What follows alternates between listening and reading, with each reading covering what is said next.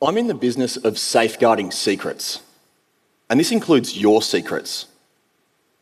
Cryptographers are the first line of defense in an ongoing war that's been raging for centuries a war between code makers and code breakers. And this is a war on information. The modern battlefield for information is digital, and it wages across your phones, your computers, and the internet. Our job is to create systems that scramble your emails and credit card numbers, your phone calls and text messages, and that includes those saucy selfies, so that all of this information can only be descrambled by the recipient that it's intended for. Now, until very recently, we thought we'd won this war for good. Right now, each of your smartphones is using encryption that we thought was unbreakable and that was going to remain that way. We were wrong. Because quantum computers are coming and they're going to change the game completely. Throughout history, cryptography and code breaking has always been this game of cat and mouse. Back in the 1500s, Queen Mary of the Scots thought she was sending encrypted letters that only her soldiers could decipher. But Queen Elizabeth of England, she had code breakers that were all over it. They decrypted Mary's letters saw that she was attempting to assassinate Elizabeth, and subsequently they chopped Mary's head off. A few centuries later, in World War II, the Nazis communicated using the Enigma code, a much more complicated encryption scheme that they thought was unbreakable. But then, good old Alan Turing, the same guy who invented what we now call the modern computer, he built a machine and used it to break Enigma. He deciphered the German messages and helped to bring Hitler and his Third Reich to a halt. And so the story's gone throughout the centuries. Cryptographers improve their encryption, and then codebreakers fight back and they find a way to break it. This war's gone back and forth, and it's been pretty neck and neck.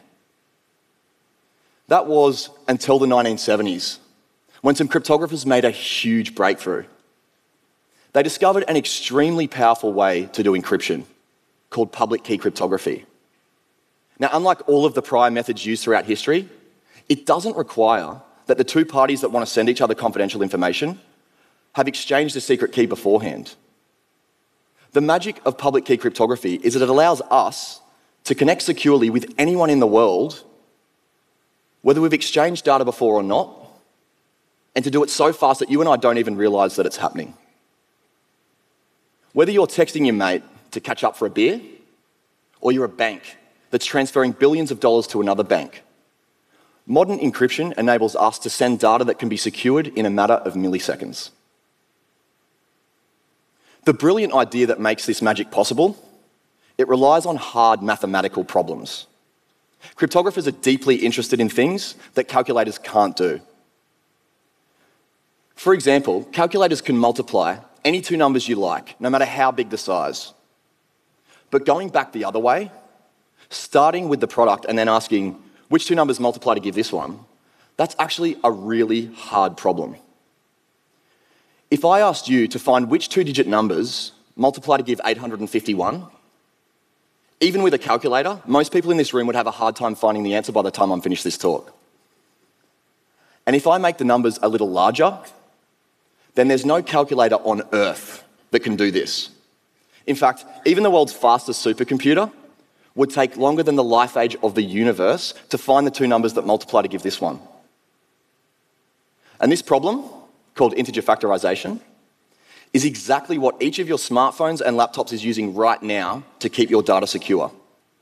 This is the basis of modern encryption. And the fact that all of the computing power on the planet combined can't solve it, that's the reason we cryptographers thought we'd found a way to stay ahead of the code breakers for good. Perhaps we got a little cocky. Because just when we thought the war was won, a bunch of 20th century physicists came to the party and they revealed that the laws of the universe, the same laws that modern cryptography was built upon, they aren't as we thought they were. We thought that one object couldn't be in two places at the same time. It's not the case.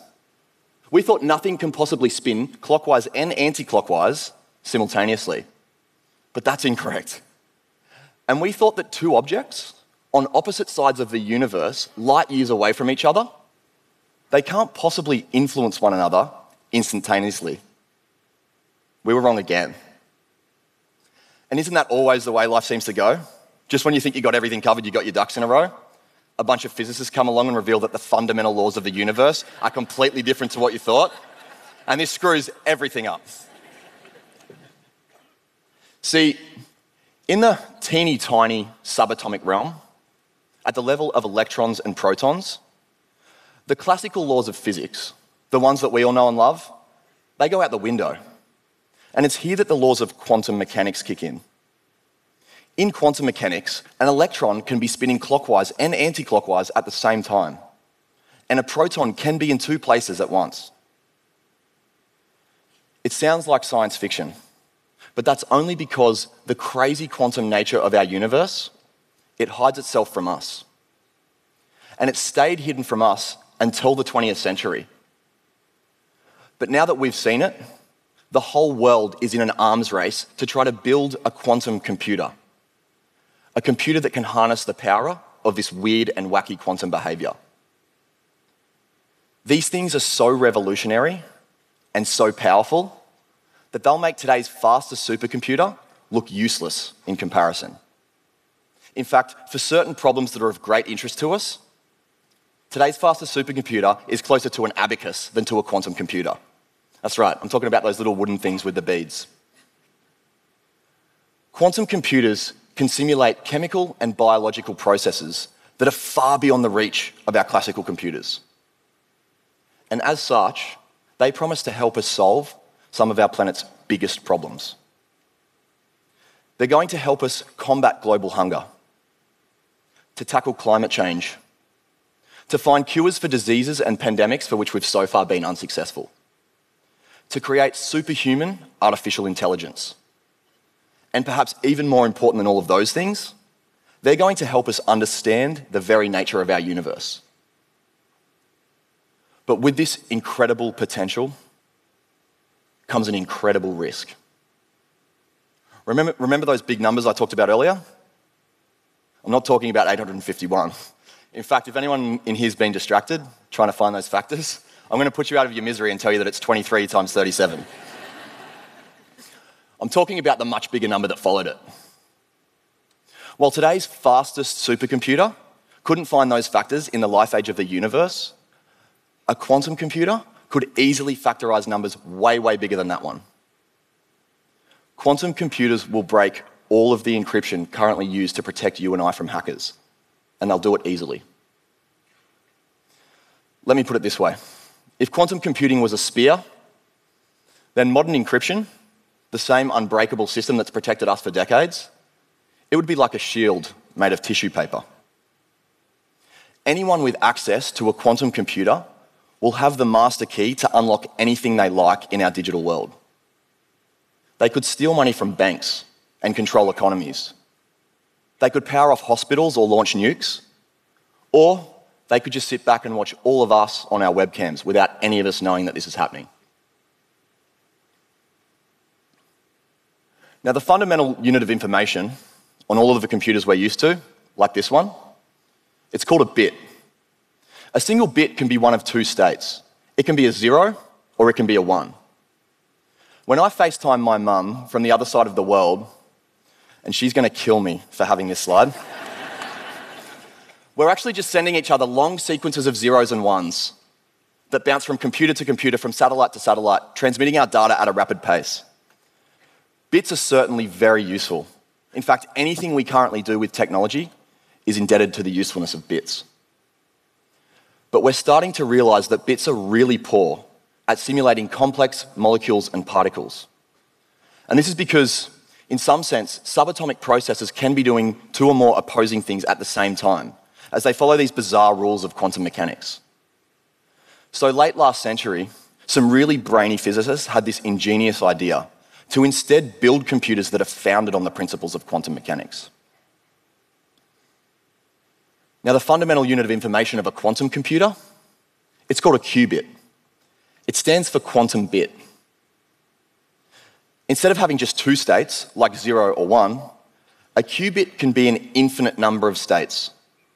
And this corresponds to it being some combination of both 0 and 1 at the same time, a phenomenon that we call superposition.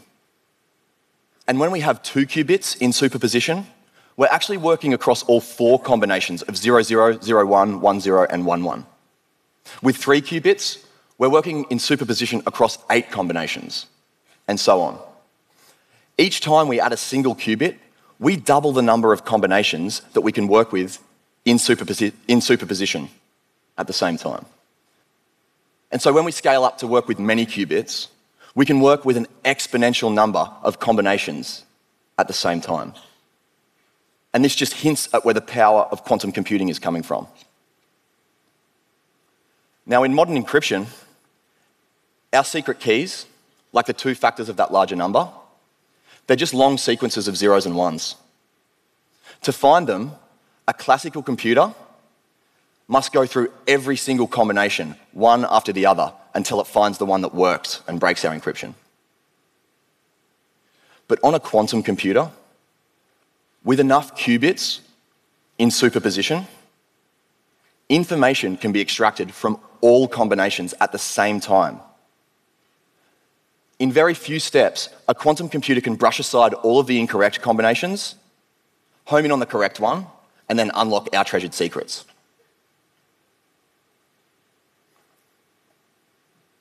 Now, at the crazy quantum level, something truly incredible is happening here. The conventional wisdom held by many leading physicists, now you've got to stay with me on this one, is that each combination is actually examined by its very own quantum computer inside its very own parallel universe. Each of these combinations, they add up like waves in a pool of water. The combinations that are wrong, they cancel each other out. And the combinations that are right, they reinforce and amplify each other. So that at the end of the quantum computing program, all that's left is the correct answer that we can then observe here in this universe. Now, if that doesn't make complete sense to you, don't stress. You're in good company. Niels Bohr one of the pioneers of this field, he once said that anyone who can contemplate quantum mechanics without being profoundly shocked, they haven't understood it. but you get an idea of what we're up against and why it's now up to us cryptographers to really step it up. And we have to do it fast because quantum computers, they already exist in labs all over the world. Fortunately, at this minute, they only exist at a relatively small scale, still too small to break our much larger cryptographic keys. But we might not be safe for long. Some folks believe that secret government agencies have already built a big enough one, and they just haven't told anyone yet. Some punters say they're more like 10 years off. Some people say it's more like 30. And you might think that if quantum computers are 10 years away, surely that's enough time for us cryptographers to figure it out and to secure the internet in time. But unfortunately, it's not that easy.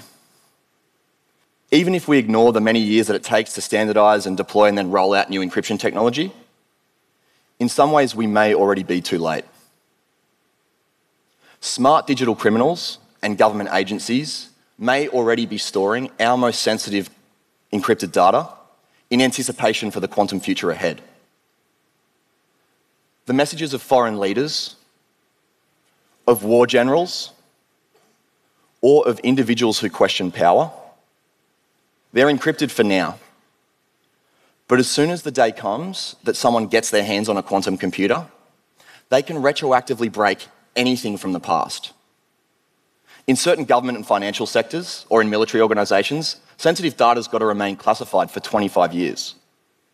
So if a quantum computer really will exist in 10 years, then these guys are already 15 years too late to quantum proof their encryption. So while many scientists around the world are racing to try to build a quantum computer, us cryptographers are urgently looking to reinvent encryption to protect us long before that day comes. We're looking for new hard mathematical problems. We're looking for problems that, just like factorization, can be used on our smartphones and on our laptops today. But unlike factorization, we need these problems to be so hard that they're even unbreakable with a quantum computer. In recent years, we've been digging around the much wider realm of mathematics to look for such problems. We've been looking at numbers and objects that are far more exotic and far more abstract than the ones that you and I are used to, like the ones on our calculators. And we believe we've found some geometric problems that just might do the trick. Now, unlike those two and three dimensional geometric problems that we used to have to try to solve with pen and graph paper in high school, most of these problems are defined in well over 500 dimensions. So not only are they a little hard to depict and solve on graph paper, but we believe they're even out of the reach of a quantum computer. So though it's early days, it's here that we are putting our hope as we try to secure our digital world moving into its quantum future. Just like all of the other scientists, we cryptographers are tremendously excited at the potential of living in a world alongside quantum computers. They could be such a force for good. But no, what, no matter what technological future we live in, our secrets will always be a part of our humanity. And that is worth protecting. Thanks.